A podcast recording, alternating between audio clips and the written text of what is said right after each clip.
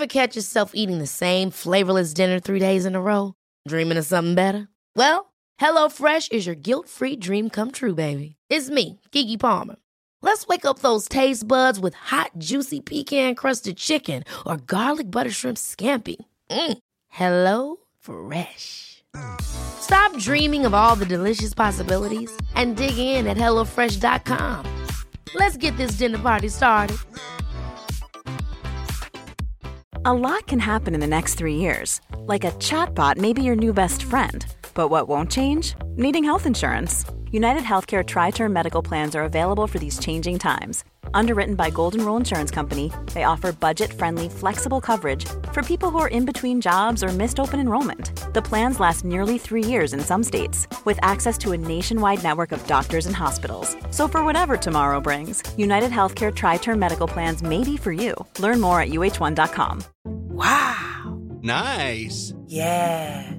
What you're hearing are the sounds of people everywhere putting on Bombas socks, underwear, and t-shirts made from absurdly soft materials that feel like plush clouds. Yeah, that plush.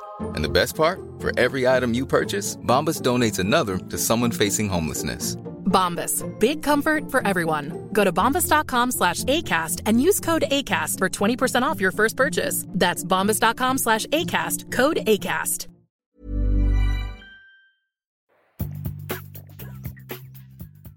I denne episoden reflekterer jeg løst og fast over mulighetene for å leve et meningsfullt liv. Eller rett og slett muligheten for å være lykkelig. Å være lykkelig er noe de fleste anser som attraktivt. Det handler ikke bare om å smile og føle seg psykisk oppstemt, men også vår fysiske helse er sterkt påvirka av vårt nivå av lykke. Hver gang vi opplever positive følelser, pumper hjernen vår ut nevrotransmittere som på folkemunne kalles for lykkehormoner. Disse hormonene har også en svært velgjørende effekt på en rekke av våre kroppslige funksjoner. Når man opplever mange positive følelser, øker altså nivået av lykkehormoner, men samtidig reduseres nivået av stresshormoner som kortisol. Kortisol har en kjent negativ innvirkning på menneskers immunforsvar, og mye stress har vist seg å fremskynde aldring, gjøre huden vår mer sårbar og tynn, samt svekke styrken på skjelettet. Kort sagt vil mer lykke føre til mindre stresshormoner, som igjen forbedrer vår helse på dramatisk vis. Dermed bør mennesker ha et sterkt insentiv for å finne veier til en form for harmoni som besørger en følelse av tilfredshet ved livet. Mennesker som rapporterer høy grad av lykke, har sterkere immunforsvar, har mindre sykefravær, oppholder seg mindre på sykehus og har generelt sett bedre helse. Når de såkalte lykkeligste blant oss faktisk blir syke, har de færre symptomer og tilfriskningen skjer raskere. Lykkelige mennesker har også en langt lavere risiko for hjerteinfarkt. En litt spesiell, men ganske interessant studie er gjort blant 750 skuespillere som har vært nominert til Oscar. Studien viste at de som faktisk vant en Oscar, levde i gjennomsnitt fire år lengre enn de som bare var nominerte. Poenget er uansett at lykke ikke bare gjør deg glad, men det er også ekstremt viktig for din generelle helsetilstand. Dermed tar jeg fatt på dette temaet nok en gang, og du som følger sinnssyn vet at lykke har vært oppe til drøfting flere ganger tidligere på denne podkasten, men siden det er så uhyre viktig, tar vi en runde til. I dag handler det om hva kjennetegner lykkelige mennesker. Det er ikke så veldig lenge siden vi har snakket om det. Nå kom det igjen. Det er jo et interessant tema. Og jeg har påstått ofte at det handler mye om, om tillit. Men jeg hadde en litt spesiell episode på morgenen i dag, for du står opp, og så er det ganske mye snø. Det er mer snø enn forventa, så det krever måking. Og da tenker jeg da får jeg sikkert dritdårlig tid. For jeg pleier ikke å legge inn så veldig mye margin, og så er det tre barn og matpakker og alt mulig, mulig rart.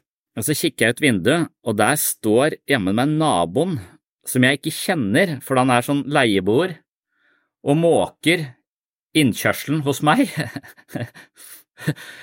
og da vet jeg ikke Da ble jeg først litt stressa, for jeg vet ikke hvor Men så tenker jeg at det er jo veldig veldig hyggelig gjort, da, så jeg går ut og snakker med han, og så sier jeg takk, og så er han en sånn superhjelpsom type, da, men litt sånn pratsom òg, da. Veldig hjelpsom og veldig sånn, og så står dattera mi opp på elleve, da. Og så ser jeg, se ut der, der står naboen, han, han hadde tid til overs, han måker utenfor hos oss. Og så kikker hun og sier, kanskje han er kidnapper, sier hun. nei, nei, jeg har vært ute og prata med ham, han er kjempehyggelig. Ja, det er sånn de prøver, det er sånn de fremstår, det, vet du, sier hun. Så hun nekta å være hjemme alene. Hun pleier å måtte være hjemme en halvtime alene før hun går på skolen, men hun nekta det hvis det skulle være en fremmed mann og, og måke i oppkjørselen. Så, så det ble litt uh, Hele situasjonen var litt Men han var av utgangspunktet veldig, veldig hyggelig, og jeg, og jeg blir litt sånn tatt på, på Jeg er altså kanskje litt sånn grunnleggende mistenksom på det, eller sånn jeg er ikke vant til at folk bare gjør sånn av seg sjøl, særlig når du ikke kjenner de, så jeg synes det var litt eh, men, men, det er dette med å ha tillit da, og tenke at folk er gode, folk er eh, ganske hjelpsomme og har liksom troa på, på menneskeheten. Og det er jo ikke så lett i den verden vi lever i, nødvendigvis, selv om den sånn objektivt sett aldri har vært eh, tryggere og det er eh, masse færre folk under eh, fattigdomsgrensa bare på, i løpet av de 20 siste åra. Så, så, det er utrolig mye bra som, som, skjer i verden, og det er sånn type Steven Pinker-argumenter. Men samtidig så, så, er det også mye, mye faenskap.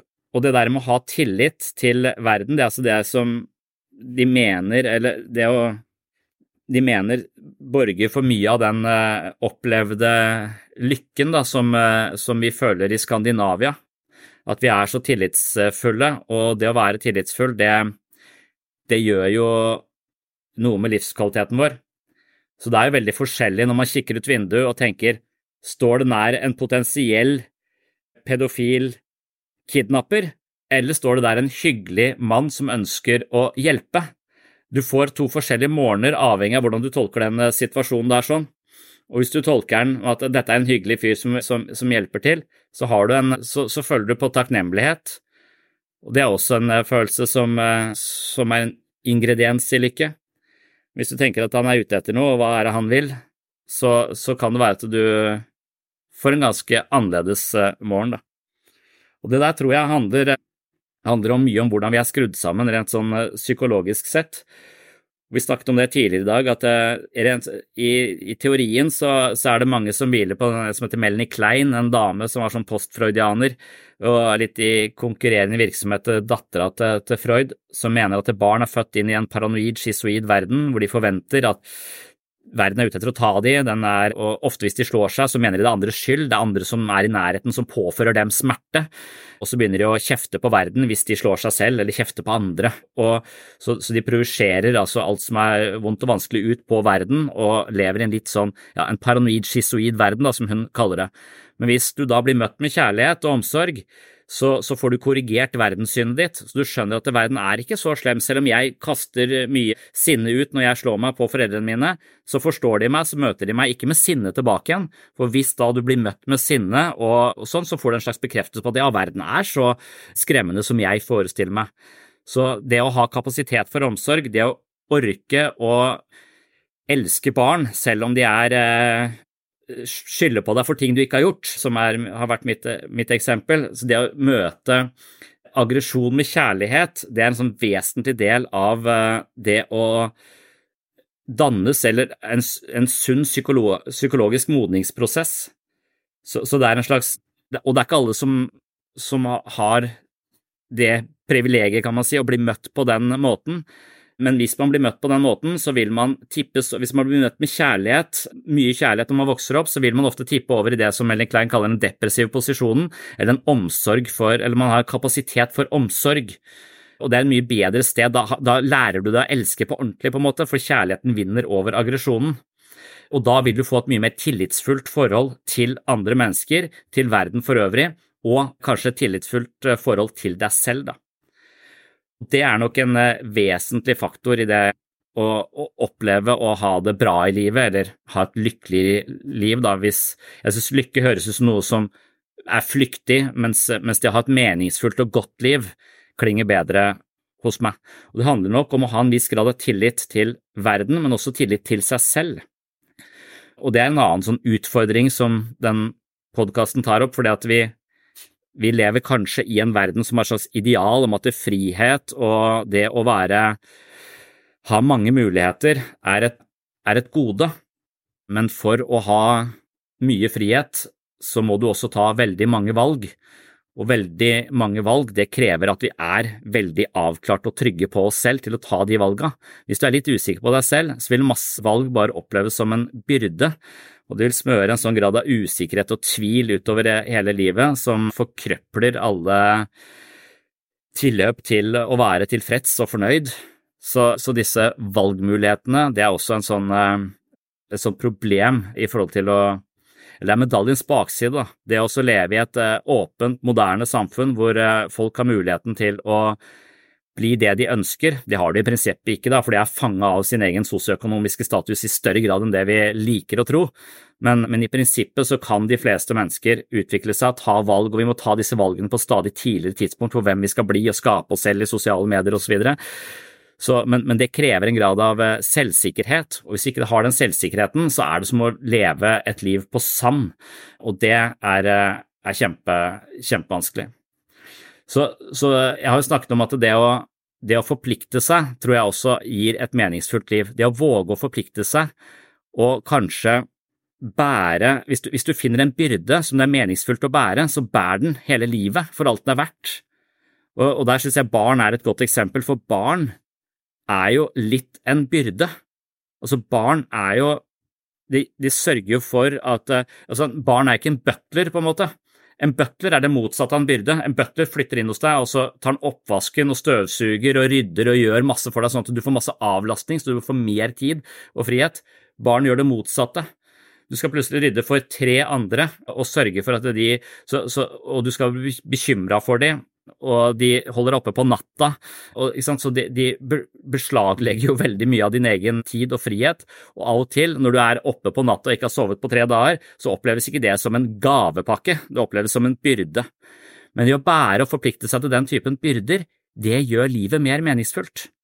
Så, så det å ikke ha den friheten til å kunne sove når du vil, det har også en, kanskje, kanskje, det forankrer oss i et meningsfullt prosjekt, og hvis vi har et så meningsfullt prosjekt, så blir livet verdt å, verdt å leve. Det samme med det å gifte seg. Jeg leste akkurat den eh, siste boka til han Mark Manson, Everything Is Fucked. Han skrev først The Subtle Art of Not Giving a Fuck, og så skrev han Everything Is Fucked. Og han ble forundra over hvor For han, han begynte egentlig som en sånn blogger som ga datingtips til unge menn. Og han var en sånn det man kaller på godt norsk en rundbrenner, tror jeg, som bare var rundt, og, men opplevde vel at eh, det å ha masse flyktige forhold, det var bare å forholde seg til forskjellige kropper som ikke var så forskjellige likevel. Han lærte egentlig aldri noen å kjenne dypt og inderlig, og han var hele tiden brukte masse av kapasiteten sin på å finne ut av hvem han skulle være sammen med, hvem han ikke skulle være sammen med, hvordan alle disse. Så han sa når jeg bestemte meg for å gifte meg, så fikk jeg 30% mer kapasitet i huet mitt til å gjøre de tingene som er meningsfullt så jeg slapp å bekymre meg. Plutselig så hadde han 30% ekstra han kunne bruke til, til, noe annet ved å forplikte seg. Og Det tror jeg også er, eh, er ganske mye sånn klokskap i, det å våge å forplikte seg og se at uh, total frihet kan bety å egentlig ikke bry seg om noe som helst. Og det å virkelig investere i noe og bry seg om noe, og finne et eller annet område i livet som du virkelig bryr deg om, det tror jeg også borger for et ganske ganske godt eh, liv. Og det er vanskelig i vår tid, for vår tid viser oss hele tiden hvor vi burde vært for å ha det bedre. Så det er veldig vanskelig å sette pris på akkurat det vi har, og, og, og, dyrke det som er, for vi skal hele tiden til et annet sted, eller må forflytte oss, eller, eller har hele tiden en sånn Vi blir lurt inn i et slags spill hvor ideen er at du må hele tiden utvikle deg, forandre deg, komme videre for, for, å få det bedre et sted der, der framme. Og for mange så blir det et besettende prosjekt hvor de egentlig aldri setter pris på det de, på det de har.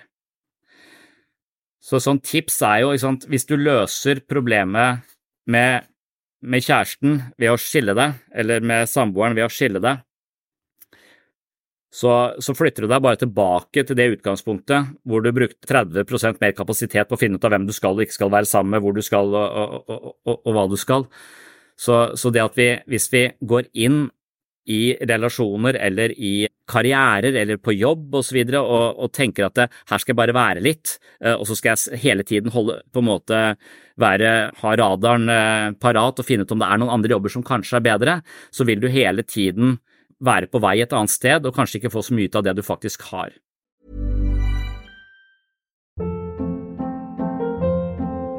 Hold up. What was that? Boring. No flavor. That was as bad as those leftovers you ate all week. Kiki Palmer here, and it's time to say hello to something fresh and guilt-free. Hello Fresh. Jazz up dinner with pecan-crusted chicken or garlic butter shrimp scampi. Now that's music to my mouth. Hello Fresh. Let's get this dinner party started. Discover all the delicious possibilities at hellofresh.com. There's never been a faster or easier way to start your weight loss journey than with PlushCare.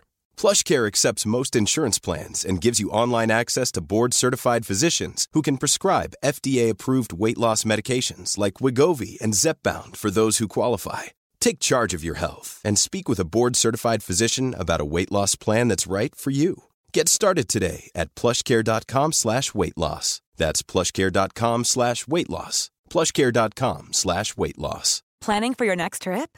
Elevate your travel style with Quince. Quince has all the jet setting essentials you'll want for your next getaway, like European linen, premium luggage options, buttery soft Italian leather bags, and so much more. And is all priced at 50 to 80% less than similar brands.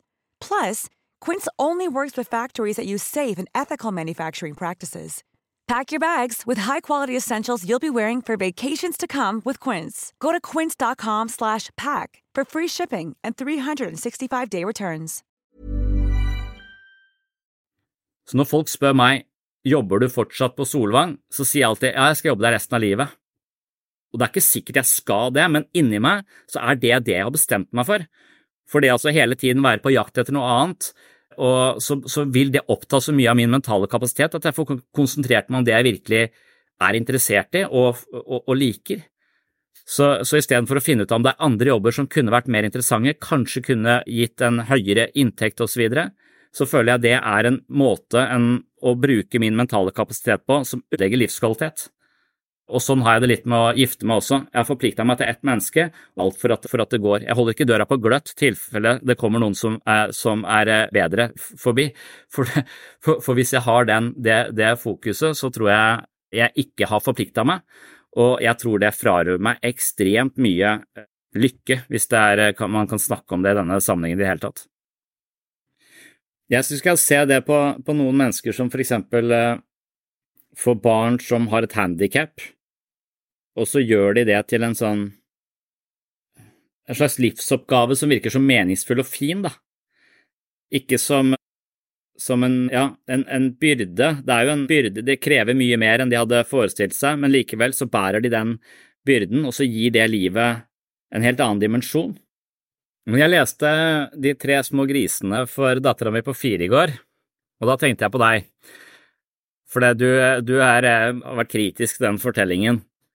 Jeg vet ikke helt hvordan jeg skal lese den fortellingen, men den handler for meg om det å legge flid i noe, forplikte seg til noe, bygge en solid grunnmur, sånn at, sånn at man har et sted å stå, fordi det opplever jeg at, at det virkelig har liksom sin berettigelse i forhold til mine egne barn, da, som har så mange stimuli, og som, hvor det også liksom virkelig fordype seg i leksene, det er bare sånn det skjer, det skjer så mange, så det å være på ett sted over litt lengre tid og virkelig, virkelig gjøre seg flid med noe, det er en utfordring, det er noe jeg må, må bygge opp under. Og jeg syns kanskje de tre små grisene illustrerer akkurat den tendensen. Og, og, den verdien det er da å virkelig gjøre seg flid med noe og ha et, et hus som holder, et trygt sted å være, det, det er liksom det den uh, historien forteller meg. ja, Men det murhuset er jo ikke et murhus, det er jo en, en, mentalitet. Så det murhuset er jo ikke et hus, ikke sant. Murhuset representerer en mentalitet. Men det, det paranoid schizoide har jo også en eksistensberettigelse fordi at det, du kan jo tippe over i det naive hvis du ikke har et element av det. Fordi verden nettopp er et farlig sted. Så det er denne balansen mellom de to modusene som er, er clouet. Jeg tror ikke at man utelukkende skal over i den depressive fasen. Man, man må ha en grad av paranoid schizonoia for å ikke bli eh, dumme seg ut i møte med livets utfordringer også. Ja, men du må jo ikke forstå prinsessa som, som en person.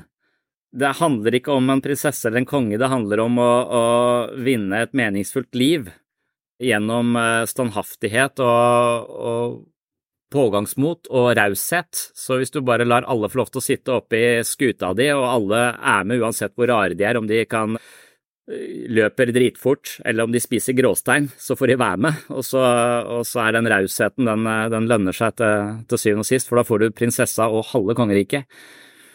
Men du får egentlig bare et meningsfullt liv. Nei, men det er, det, det er den samme ideen, altså, ja, alt blir bra hvis du er et godt menneske, og det handler om å være et godt menneske. Det er Groundhog Day òg. Det, det, var akkurat Groundhog Day, det var for noen dager siden. Vet, egentlig så lever han faktisk den samme dagen i over 40 år, så vidt jeg har eh, jeg hørte et intervju med han regissøren. Dritlenge.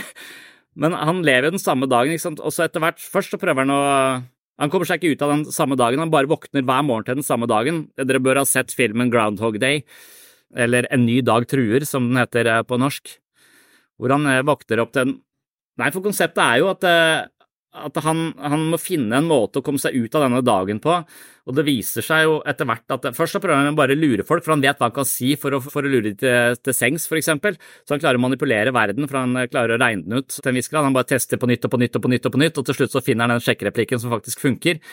Men han fortsetter å være en sånn halvpsykopat. Men det er når han virkelig begynner å bry seg om, om verden og utvikler seg som menneske, at verden går videre.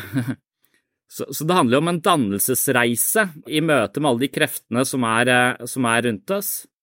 Og jeg, jeg, savner litt kanskje i, i, psykoterapi i det faget, det blir kanskje litt sånn nerdete, men jeg mener at vi har veldig masse teorier på hva som skjer galt mellom foreldre og barn, for eksempel hva foreldre kan gjøre for å fucke opp barna, og hvordan det skaper konflikter og mangelpatologi som må helbredes i psykoterapi.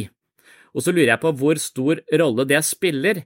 Hvor, altså, jeg, jeg, er ganske opptatt av at oppveksten må spille en rolle, men akkurat våre nærmeste, foreldre, skolen, altså de, de, som var rundt oss, det spiller en viktig rolle. Men det er der også psykoterapien som fagfelt er så innmari Der er den god, der har den masse teorier, den har hundrevis av teorier og, og også en klinisk praksis for å jobbe med akkurat det der. Men hva hvis det i tillegg er sånn at de blir voldtatt av kulturelle føringer hver eneste dag uten at vi legger merke til det? Er det ikke også et sånt kollektivt apparat rundt oss som vi bør avsløre? Og det finner jeg også igjen i fortellingen, at, at denne grådigheten, denne kapitalismen, denne eh, individualismen som, som herjer i vår tid, som, som, skaper avstand mellom folk, som setter folk i et konkurrerende forhold til hverandre hele tiden, hvor vi måles og veies fra vi begynner på skolen, og hele tiden da er et sånn subtilt konkurrerende forhold til de vi som skal også være våre nærmeste, at det skaper en form for patologi og en form for slitenhet og utmattelse, hvor konkurransen nå, det å være barn i dag, de, de, er, de møter et enda tøffere arbeidsmarked enn det som har vært, eh, vært, tidligere, og du er nødt til å ha høyere utdannelse for i det hele tatt ha noe du skulle ha sagt.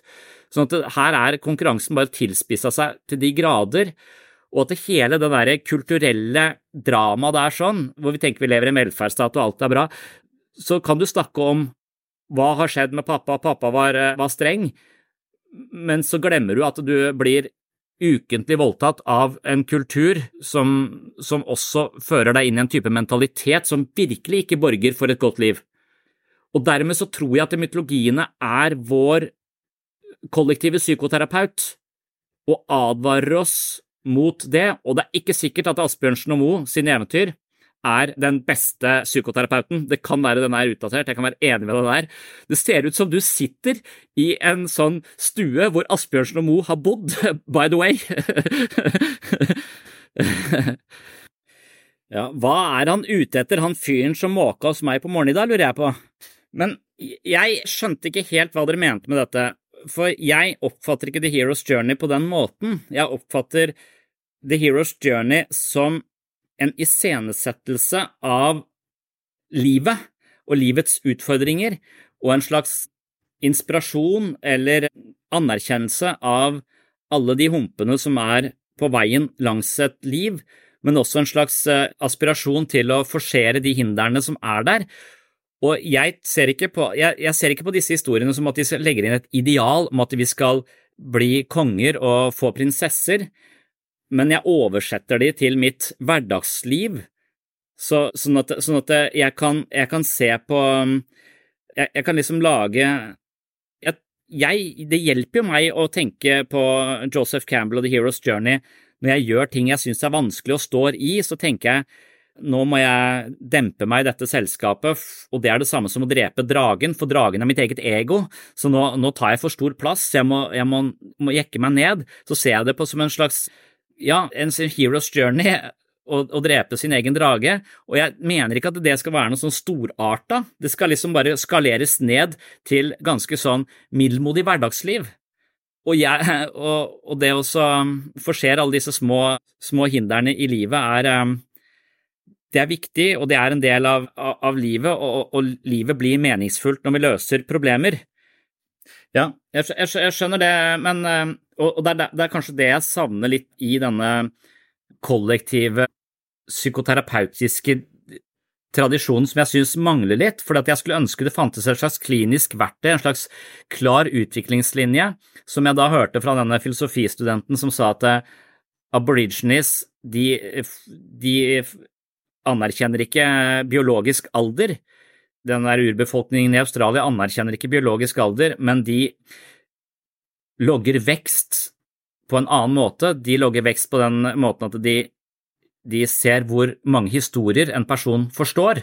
Så det handler om å forstå dybden i historier, og når du får én historie og forstår dybden i den, så kommer du videre til neste historie. Og dermed så kan en eh, som i vår forstand er 15 år, være eldre enn en som er 30, fordi 15-åringen har forstått flere historier og har en større dybde. Og det er den typen bevegelse jeg tror er ganske viktig for å For jeg tror det er viktig å snakke om faren din eller mora di eller eh, mobbing på, på skolen, men jeg tror vi glemmer helt en kultur som bare gjennomsyrer oss, på, også på en sånn måte, og styrer oss og lobotomerer oss og gir oss tankefeller og, og verdier og målsetninger som kan være totalt fucked. Og så vil noen av de beste narrativene våre gjøre oss oppmerksom på det.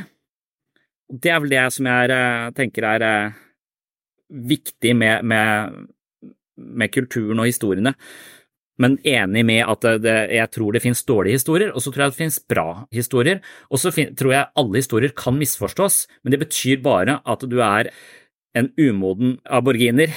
Ja. Dette var en av de korte episodene her på Sinnsyn. Målet mitt her er å servere noen tanker og lettbeinte poeng som du kan ta med deg inn i de neste dagene, gjerne i påvente av en ny fullverdig episode som kommer ut på mandag. Det du hørte her i dag, er hentet som et lite utdrag fra mitt mentale treningsstudio.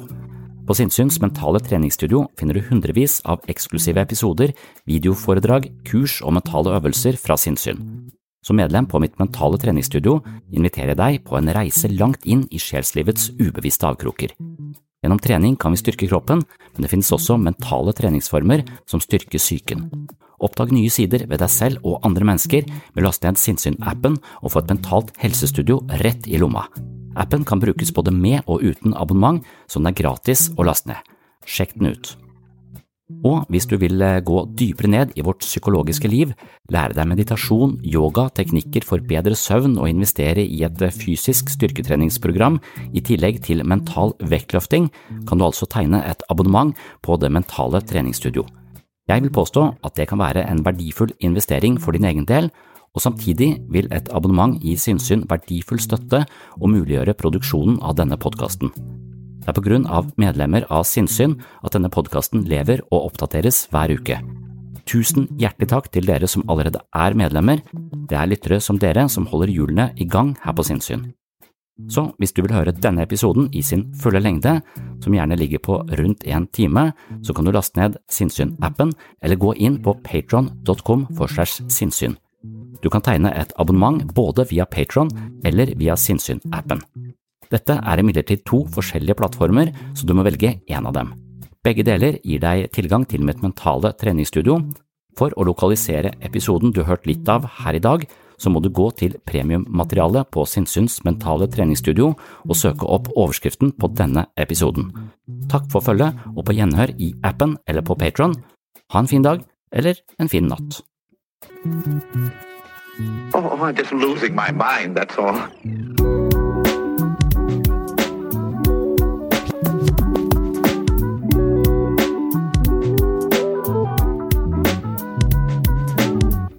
Discuss some of the I can discuss some of the I can discuss some of the psychological aspects of the case. Psycho, psycho, psychological aspects of the case. You've got to get a hold of yourself.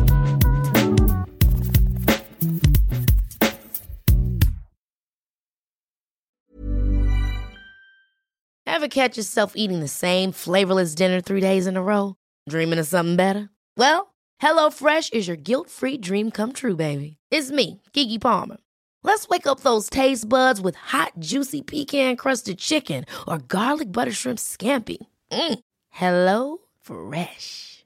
Stop dreaming of all the delicious possibilities and dig in at HelloFresh.com. Let's get this dinner party started.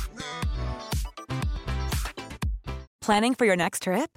Elevate your travel style with Quince. Quince has all the jet setting essentials you'll want for your next getaway, like European linen, premium luggage options, buttery soft Italian leather bags, and so much more. And is all priced at 50 to 80% less than similar brands. Plus, Quince only works with factories that use safe and ethical manufacturing practices.